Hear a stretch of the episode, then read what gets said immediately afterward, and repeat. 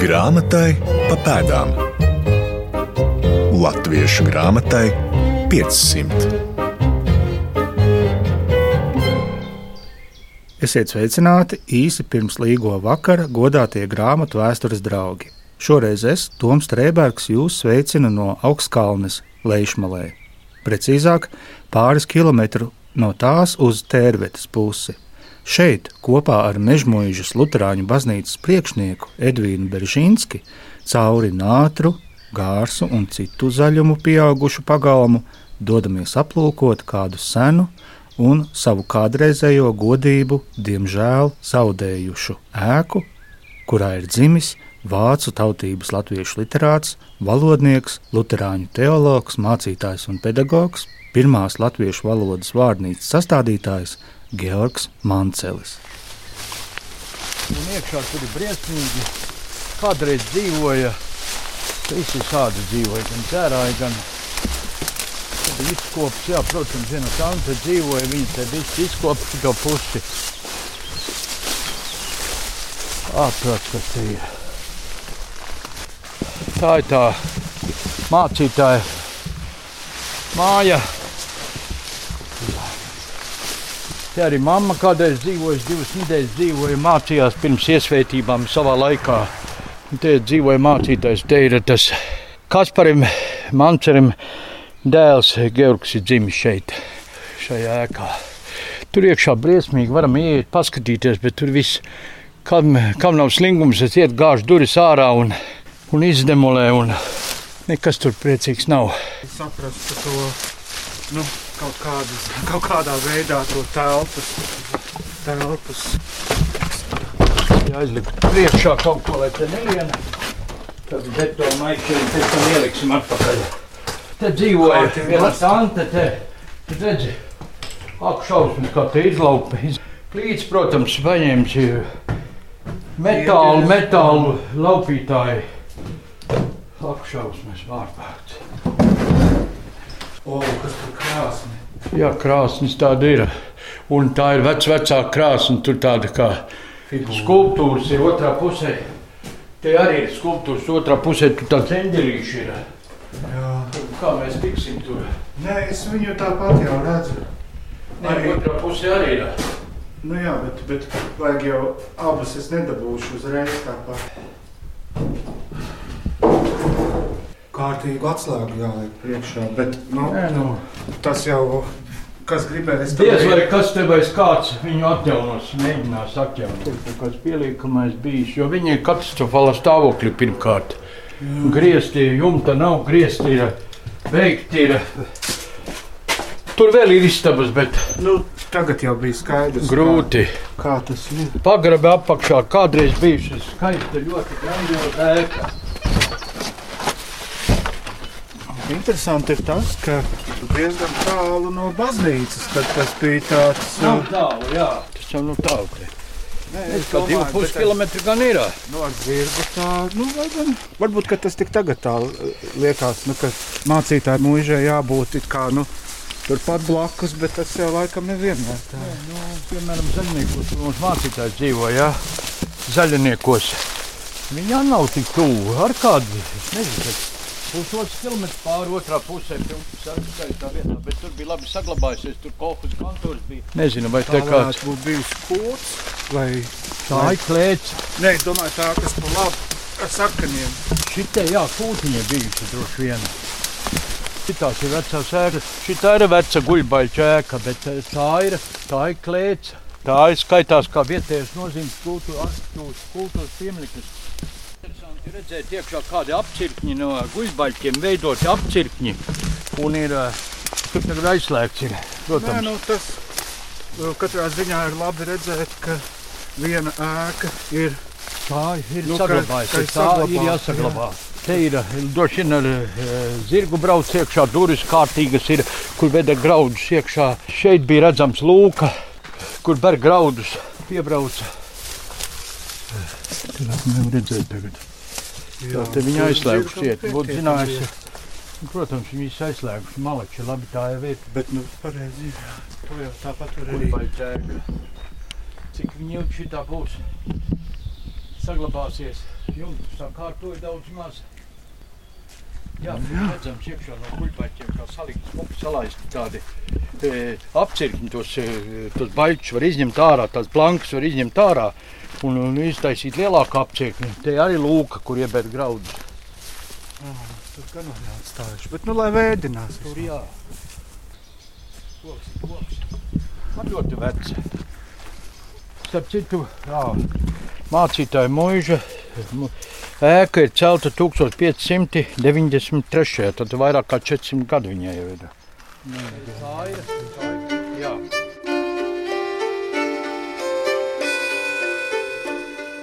Georgs Mancelis dzimis 1593. gadā.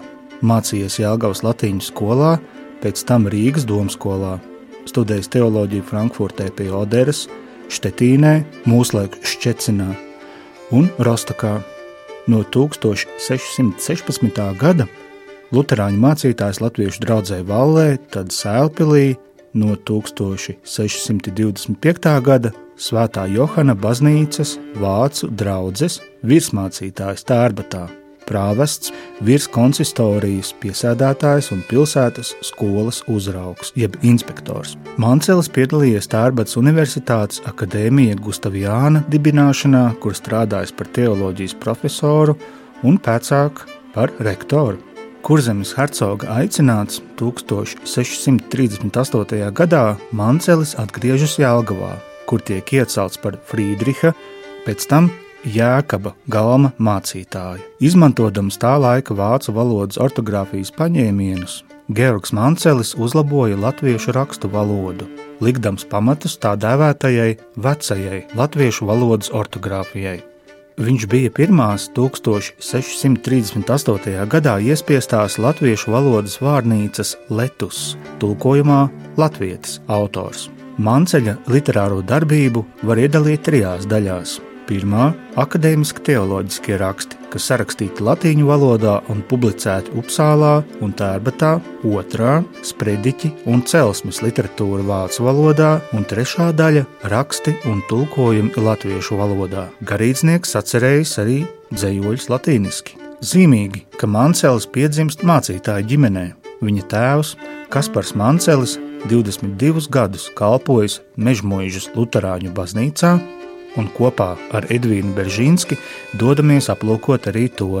Mums pievienojas Augstskalnas pamatskolas direktors vietniece izglītības jomā Rudīte Dude.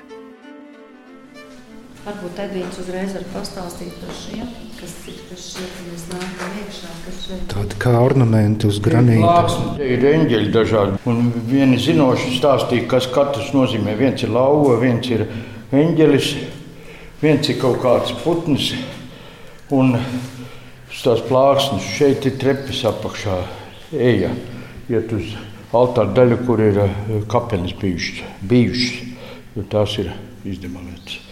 Kapenes, un šeit ir trepes, un eja aiziet prom uz turieni, un tad viņi ienes sarkopāgus, un to zārkus un apglabā tur. Tā demolēšana notika. Tas ir ap 80 gadu jaunieši jo izturēja visu Pirmā pasaules kara. Vēl papu stāstīja, ka te bijuši vēl ir abedījumi. Vēl 32. gadā es lasīju arhīvās, ir, tas ir, ir pirms kara, ne tieši 32 abedījumi te bijuši. Un, un tad, kad mēs noņēmām grīdu, te likām jaunu grīdu, tad bija rops izsis. Un tur paskatījāmies, tur vieni grūveši, viss sašķaidīts. Nu, tie nav cilvēki, tie es nezinu, kas ja visu pirmo un otro pasaules karu var izturēt, un pēkšņi 80. gados vajadzēja izdemolēt. Vienīgais tur tādā malā ir saglabājies, laikam, jo tur neviens nav. Tur ir četras telpas, ir viena telpa te vidējā, un te ir šīs divas bija izdemolētas. Te bija viss izlausts, griezti. Kapeņu griezti. Jā. Kapeņu griezti, jā, tur nekas. Kauli bija mētājušies gar ezeru, tagad viņi bija kaut kur te savākti, bet nu, briesmīgi tas ir. Galvenais, mēs atjaunojam baznīcu par šiem gadiem. Jau, nu, jau vairāk kā 15 gadi, gandrīz kā 20, jo iepriekšējā priekšniece, kas bija kādreizēja direktora Aina Holstemi, šo remontu sāka. Es jau nebūtu uzdrošinājies, tas bija smags darbs, iesa, iesākt, bet nu, tad, kad viņa ja pārņēma viņas funkcijas, turpināja, tad mēs tā lēnām visu turpinājām. Un pamazām visu baznīcu atremontējām, visu. Pamazām griezos pa bišķītim. Tad, kad atremontējām griezu, tad grīdu šeit atvedām no Rundāles altāra un, kanceli atvedām, kas glabājās Rundāles pils muzejā. Jaunu jumtu uzlikām, nokrāsojam no ārpuses, no iekšpuses. Tā mēs pamazām atjaunojām. Es teicu, pateicoties iepriekšējai priekšniecei. Sākumā mums e, ziedojumu deva 10 tūkstoši dolāru. E, amerikāņu, Amerikas Latviešu drauga, Svētās Paulas un Minneapolis e, drauga, kur kalpoja Maija Cepura savu vīru Uldi Cepuri. Es pieļauju, ka tur viņiem iespējams bija kādas e, dzimtas saites ar šo vietu, ja tieši šejienei šis ziedojums tika sniegts. Vienkārši sadraudzējās, sadraudzība, jo nekāda radniecība viņam nebija. Un viņa, kad ziedoja tos desmit tūkstošus dolāru, tad sāka no, no tās e, ērģeļu daļas sāka griezus remontēt pilnīgi no jauna. Viss pilnīgi no jauna ir uzlikts. Un tad pamazām gāja uz priekšu. Tas bija tas 10,000 dolāru iesākums, jo toreiz jau naudas nebija. Un arī valsts tā nedēļa, bet turpmāk jau visu pamazām jau valsts piestiķēja klāt, pielika pie visiem projektiem, jo griezti pilnībā no jauna ir uzlikti. Tur bija viena stalaža, mums, mums tā ieeja oh, bija tāda šaura, šaura un tumša baznīca izskatījās, jo šķita nekad laikam mēs nedabūsim gatavu, cik drūms bija skats, jo pavērās uz augšu vien milzīgi lieli tukšumi, tumši caurumi, jā, tā kā daudzu gadu laikā ir tiešām paveikts milzīgi liels darbs, un es domāju arī uh, to, ko Edvīns turpina darīt, iesākt to arī milzu daudz ir izdarīts darba. Es domāju, tās uh, visas atjaunošanas uh, laikā ļoti daudz. To pat man šķiet, to sarakstu var rakstīt un rakstīt un garu, garu un plašu, jo pašu spēkiem arī ļoti daudz ir darīts. Tieši paši nākuši, darījuši un atjaunots. Tad esam atkal tikuši pie savām ērģelēm. Arī atgriezām skaņu, ērģeļu skaņu mūsu baznīcā. Jānis Kalniņš, Ugāls ērģeļbūves meistars, kurš arī visu šo veica. Ne, par tiem darbiem jāsaka tā, ka ir visi piedalījušies, arī pati piedalīsies. Mēs visi taisījām projektus, iesniedzām, kurš gāja, izgāja kurš neizgāja. Tāpēc mēs atremontējam pamazām, pamazām. Georga Manceļa atstātā mantojuma nozīmīgumu aicinu atklāt baltu valodnieku, habilitēto humanitāro zinātņu doktoru Pēteri Vanagu. Izpētes augsta nu, Mancels ir pagrieziena punkts. Ja, tas tā jau ir pieņemts klasiski kā tāds mīts, kas atbilst arī realitātei, kā ar Manceli pagriežas latviešu valodas, latviešu rakstu valodas ceļš. Ja, ja līdz tam latviešu rakstu valodu balstījās Lēsvācu rakstu tradīcijā, kas nāca no Rīgas, samērā neprecīzi atveidoja latviešu valodas skaņas, un līdz ar to arī morfoloģiju, tātad latviešu valodas formas. Tad līdz ar manceli notiek pavērsiens tādā valodas, pirmkārt jau rakstības skaidrības ziņā, jo nevelti manceļa pirmās um, izdotās um, vai neizdotās viņa sagatavotās um, Lutāņu baznīcas rokas grāmatas ievadā, kur gan viņš, gan izdevējs Šrēders abi piemin tos iemeslus, kāpēc ir nepieciešama jauna, jauns rokas grāmatas izdevums, tiek minēts, ka līdzšinējā rokas grāmata ir gan neprecīzā rakstībā, gan neprecīzā valodā, un tāpēc it sevišķi runājot par tiem garīdzniekiem, kas atbrauc no citām zemēm, tad, tad, un kas latviešu valodu neprot vai prot vāji un mācās vai arī lasa no pirmajām grāmatām valodu labi neprasdami. Ja zemnieks pēc sprediķa saka, kas zina, ko tas vācu zemes kaķis tur saka. Ja, šis slavenais citāts, kas ir šajā priekšvārdā. Un Mancels pirmkārt jau izdevējs, kurš eh, to saprata, ja, Šrēders aicinot Manceli labot, meklējot, kurš būtu tas, kas varētu uzlabot, tad aicinot Manceli, Mancels piekrita šim eh, uzaicinājumam. Viņi saprata, ka tai valodai, tai rakstībai ir jābūt precīzākai. Viņai jāatspoguļo ar precīzāk latviešu valodas skaņas, lai to varētu lasīt arī valodas nu, vājāks pratējs. Un tas nozīmē, ka Mancelis jau Viņš jau bija pārdomājis to latviešu valodas rakstību un latviešu valodas formu, pirms viņš sāka gatavot šos tekstus. Ja mēs to arī varam redzēt no 1631. gada izdevumiem, bet arī savu dzīves laikā viņš tālāk turpina uzlabot to rakstību. Tad, tad tas ir viens šī rakstība, precīzāk, un otrs ir valodas forma. Jāņem vērā, ka pirmās grāmatas līdz 16. gadsimta 30. gadiem, kas ir to pamatā, ir Rīgā runātā latviešu valoda, kur pretī Mancelis, kurš nāk no zemgālis, tad, no lejšmalas, kurš bērnībā ir dzirdējis un apgūlis tādu latviešu valodu ar uh, skaidrākām galotnēm, ne tādu norautas galotnes, kā tas ir raksturīgs Rīgai, kur ir gan vācu, gan lībiešu valodas ietekme. Jā, viņš to valodu padara precīzāku, skaidrāku arī formas ziņā. Un kā tas arī norādīts, tajos priekšvārdos. Tā būs valodas forma, kas būs saprotama nu, lielākā praktiski visā vidzemē un uh, kurzemē. Grāmatai pa pēdām. Domājot par uh, Manceļas prediķiem šajā uzdevumā, kas uh, katram mācītājam ir jāveic, ir divas sliedes, pa kurām ir jādodas. Tātad viena ir svēto rakstu vēstījuma skaidrošana, un ne tikai skaidrošana, bet arī atgādināšana. Un tad tās otras sliedes ir um, veidot tādu krustojumu, kā mēs šo rakstu vēstījumu ieraugām savā dzīves, savā zemes gaitās. Pēter, kā jums šķiet šajā krustpunktā, kur izpaužas manceļa īpašais devums, ja mēs varam atzīt, ka viņas prediķi zināmā veidā ir par pamatu arī literatūras spēcīgākam noformēšanās brīdim.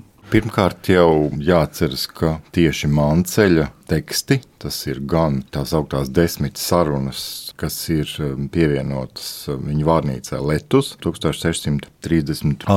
gadā, gan Spriediķu grāmata 1654. gads ir oriģināls atcerējumi. Tas nozīmē, ka uh, visi līdz tam ir tulkoti, un tas ir tikai kā, citu domu un citu vārdu atveidojums latviešu valodā, kur pretī Mancelis ir pirmais, kurš izsaka savu domu. Un to um, iesakņo vai tās pa daļai sakņojas tad ne tikai reliģiskajos rakstos, ne tikai Bībeles tekstos, bet sakņojas arī vietējā latviešu dzīves realitātē. Un tā latviešu dzīves realitāte tur arī atspoguļojas. Gan tie ir kādi sadzīves, tradīciju atspoguļojumi, un, protams, tā ir arī, arī valodas atspoguļojums. Tad, tad abas šīs puses, dzīves realitāte un valodas realitāte, ja tā parādās šajos darbos. Ja, tas ir tas sākuma punkts, uz kā latviešu rakstu valoda balstās. Ja. Tā ir tā valoda, ko mēs šodien ikdienā runājam. Tas ir tas pirmais, pirmais pamats. Atklājam tekstus. Mēs varētu sniegt ilustrāciju, skanisku. Es redzu, ka jums ir sagatavots pārlikums mūsdienu rakstā, kas šis ir par tekstu, ko mēs varētu tūdaļ arī kopīgi Jā. rečitēt. Te ir fragments no Manceļa sprediķu grāmatas, no sprediķa. Es nolasīšu nelielu rindkopu. Kā nu kristīja Jēzu laikā dažādi klausētāji ir bijuši, tā ir šīs laikos mēs atrodam. Ne visiem katru baznīcā nāk vienāds prāts ir. Cits nāk baznīcā laiku kavēdams par svētdienu. Cits, kā būs sacīt, paši nezina. Šim tas mācētājs lēns, viņam bargs, šim īsi saka, viņam gari. Cits nāk baznīcā savas kurpes, jaunas zābakas, sudraba saktas un jaunas drēbes gribēdams rādīt. Cits atkal, kā būs to teikt un sacīt, redzi, tas cilvēks iet labprāt baznīcā, bet Dievs zina ar kādu sirdi. Tomēr vēl dažs nāk, gribēdams Dievu vārdu mācīties. Cits nāk, ka tas no baznīcas izgājis savas iekšas, to kuģi ar alu izskalot var. Un kas ir mainījies? Nekas. Mainījies nekas nav. Jā. Es domāju, ka teksts ir saprotams ļoti labi. Jā. Šeit arī ir dažas vecākas formas. Jā. Tur bija visiem varbūt atšķirīgs. Noteikti šis stils, jā, tas specifiskais sprediķa stils, kas raksturīgs 17. gadsimtam, kas, protams, ir nav oriģināls latviešu, ja, tad, tad Mancels balstās savulaika tradīcijā, kas ir gan latīņu, gan vācu valodā, ja, un to stilu viņš ievieš arī šajā latviešu tekstā. Mums jāsaprot, ka, saprotams, tā nav runāta valoda tādā burtiskā nozīmē. Neviens šādos garos teikumos, mēs arī šodien nerunājam garos teikumos, ja mēs vienkārši sarunājamies. Ja, tāda Tas ir specifisks no kanceles eh, lasāms, un, protams, ar visām pauzēm. Jā, nevienmēr ir viegli izlasīt. Jā, arī, es arī pārteicos, jā, tāpēc, ka ir jāskatās, eh, kā to labāk izlasīt, kā uzsvērt. Bet, ja nu garīdznieks, kurš ir paņēmis šo, tas ir domāts eh, pamatā nevis mājās lasīšanai, bet domāts tas sākotnējais ir mācītājiem, citiem mācītājiem, kā palīgs, jā, it sevišķi tiem, kas vēl valodu neprotu tik labi. Un, ja te ir mana grāmata, man šodien svētdien ir sprediķis, ja, es ņemu vienu manceļu sprediķu un nolasu baznīcēniem no kanceles. Ja, varbūt kaut ko pielieku klāt, kaut ko pamainu, bet tas ir tas pamats. Sargājies tu, mans draugs, par to pulku tādu klausētāju, katrina nāk ar labu sirdi Dieva vārdos par visām lietām sargājies, ka tu tavu vēderu neliecies tavu dievu būt. Aiz to Jēzus Kristus neir nācis, ka viņš to vēderu, tauku un pilnu darītu, bet ka tava dvēsele ar dieva maizi, tas ir ar dieva vārdu ēdenāta, taptu. Tā cilvēka dēls ir nācis meklēt un svētu darīt, kas pazudis bija, bet kas nieku meklē, tas līdzi iznīks, saka tas svēts mācētājs Zīrahs. Svarīgā grāmatzīme. Georgs Mancelis dodas mūžībā 1654. gadā, tomēr drošas skaidrības par viņa atdusas vietu nav. Savukārt mākslas zinātnieks un Latvijas Zinātņu akadēmijas viceprezidents Ojārs Spārītis dalās ar interesantu pētījumu rezultātu, kas varētu liecināt par izcilā valodnieka un mācītāja mūža mājām zemes virsū. Jā, intriga ir brīnišķīga, jo patiesībā pirms desmit gadiem Jelgava restaurētā Trīsvienības baznīcas torņa izskatā guva iespēju iepazīties ar to, kāda ir Otrā pasaules karā zudusī Trīsvienības baznīca, kādas ir bijušas tās vērtības un kāda ir bijusi tās arhitektūra, cik tā ir bijusi lieliska. Bet, protams, ka pirms kara laika Latvijas pieminiektu aizsardzības speciālisti, konkrēti Visvaldis Peņģerots, mākslas vēsturnieks un pieminiektu valdes fotogrāfi ir fotografējuši detaļās šīs baznīcas vērtības, un šodien Latvijas vēstures muzejā glabājās stikla negatīvi, kurā ir arī nofotografēta eh, Jelgavas galma ārsta ārsta Andrejas Zingera 1644. gadā mirušā dēliņa epitāfija. Un, protams, ka šim mazajam bērnam, kurš ir miris, saskaņā ar 17. gadsimta klasisku tādu baznīcas dekorējumu tradīciju un piemiņas e, saglabāšanas tradīciju, turīgs cilvēks pasūta mākslas darbu, ko piekabināt pie baznīcas sienas. Un šādā gleznā, protams, tiek attēlots maziņš bērniņš, kurš ir rociņš salicis lūkšanā un uh, attupies uz celīšiem uz uz spilventiņa, krucifiksa priekšā aizlūdz par sevi. Un tikpat labi mēs varam teikt, jā, tā ir tipiska tāda nāves piemiņas vai mirušā cilvēka piemiņas žanrs. Bet šai epitāfijai interesantākais ir tas, kas palielinot fotografiju, dod iespēju izlasīt e, viņai apakšā uzrakstīto tekstu. Un šajā te tekstā, protams, kad ir minēts fantastiski, kā teikt, gan vācu, gan latīņu valodā iešifrēta informācija. Tātad Jēzus Kristus, Dieva dēla asinis, atbrīvo mūs no visiem grēkiem. Cilvēks ir ziepju burbulis, tātad viņš ir nīcīgs. Ja?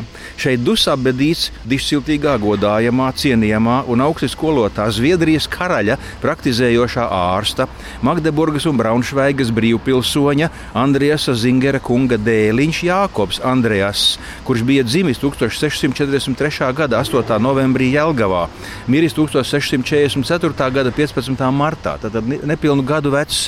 Viņa dvēsele ir tā dieva rokās, kurš viņam un mums dāvās priecīgu augšām celšanos. Un lūk, tagad ir latīņu teksts, jo viņa tēvs ir ārsts. Tajā laikā visi inteliģenti cilvēki prot latīņu valodu, gan lasīt viņu brīvi, tā kā mēs šodien angļu valodā orientējamies, gan tulkot, gan sacerēt dzējas un vispār domāt latīņu valodā. Un tur ir šis teikums sub kipo manceliano quiescit Un lūk, ko nozīmē, nozīmē šī te, saka, latīņu teikuma tulkojums. Šis tātad Andrijas Zingera dēliņš Jākobs Andrejas atdusas zem manceļa kapa pieminekļa zem Manceļa kapa pieminekļa. Kas mums ir jāsaprot? Georgs Mancelis mira desmit gadu vēlāk, 1654. gadā, bet šis apbedījums mazajam bērnam ir noticis 1644. gadā. Tātad bērniņa tēvs ir Jelgavas galma ārsts. Georgs Mancelis ir Jelgavas galma mācītājs. Tātad viņi abi ir augstākā ranga kalpotāji hercoga dienestā, kuriem kabinets un darba vieta ir hercoga pilī. Un tātad viņi abi kā kolēģi noteikti koridoros satiekās, apmainās ar rokas spiedieniem un runājās gan par dzīvi, gan par ģimeni, gan par visām lietām, un viens otram jūt līdzi bēdās. Protams, ka Georgs Mancelis, kurš kā gan pirmkārt hercoga Friedriha, pēc tam hercoga Jēkaba galma mācītājs, jau pēc sava ranga varēja būt tāds, kurš Jelgavas Trīsvienības baznīcā varēja saulēcīgi iegādāties sev kapa vietu zem zemes, jā, baznīcas iekšienē, izmūrēt ar ķieģeļiem viņu un varbūt pārklāt pāri ar akmens plāksni, kurai tad, ja pienāks nulle nultā stunda akmeņkalis iekalas vajadzīgos ciparus. Bet 1644. gadā Georgs Manselis netaisās uz viņa sauli, bet viņš var, kā teikt, savam draugam, galma ārstam, nu, izpalīdzēt viņa bēdās. Un cik nu liels ir viena nepilna gada veca bērniņa zārciņš vai mirstīgās atliekas, kuras var ieguldīt, kā saka, gatavā kapa vietā, kura vēl gaidīs, kā saka, savu noteikto laiku. Un lūk, šis epitāfijas teksts, ka lūk, šis bērniņš atdusas zem manceļa kapa pieminekļa, un tas tiek pateikts, kā saka, latīņu valodā, nu, literāri izglītotiem un valodnieciski izglītotiem cilvēkiem Jelgavā varēja ļaut noprast, kur ir apglabāts doktora dēliņš. Un tā ir vienīgā norāde, ka Manselis sev bija sagatavojis kapa vietu Jelgavas Trīsvienības baznīcā. Bet tā kā baznīcas pagrabu pētniecība nav notikusi, skeletu un sarkofāgu eks, atvēršana, ekshumācija, arheoloģija nav notikusi. Bet tā kā pēc otrā pasaules kara 53. gadā nojaucot baznīcas sienas, tas viss tika aizbērts, nolīdzināts un ķieģeļi kaut kur izvesti ārpus Jelgavas pilsētas. Nu, tādējādi mums šī vēsture ir neidentificējama. Varbūt kādreiz ar DNS metožu palīdzību varēs konstatēt, ka tas ir Georgs Mancelis, bet citu pierādījumu mums Latvijā nav, ka Georgs Mancelis būtu varējis varējis citur sev sagatavot kapa vietu, jo viņa dzīve un darbs e, pēdējos 20 gados taču saistījās tikai ar Jēlgavu un tikai ar Jēlgavas galmu. Un viņam kā prominentam Jēlgavas e, cilvēkam un hercoga, kā teikt, e, tik tuvam pietuvinātam priesterim, mācītājam, nu vajadzēja atdusēties Jēlgavas Trīsvienības baznīcā.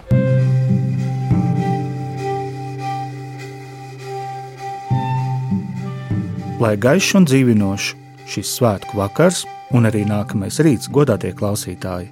Šo raidījumu sagatavoja producents Santa Lauga, skaņu operātore Nora Mitspapa un Toms Streibergs. Paldies katram, kurš sniedz savu ar tavu Georga Manceļa iepazīšanā, kā arī mūsu raidījuma padomdevējai Latvijas Nacionālajai Bibliotēkai. Līdz nākamajai reizei! Grāmatai pa pēdām Latviešu grāmatai 500.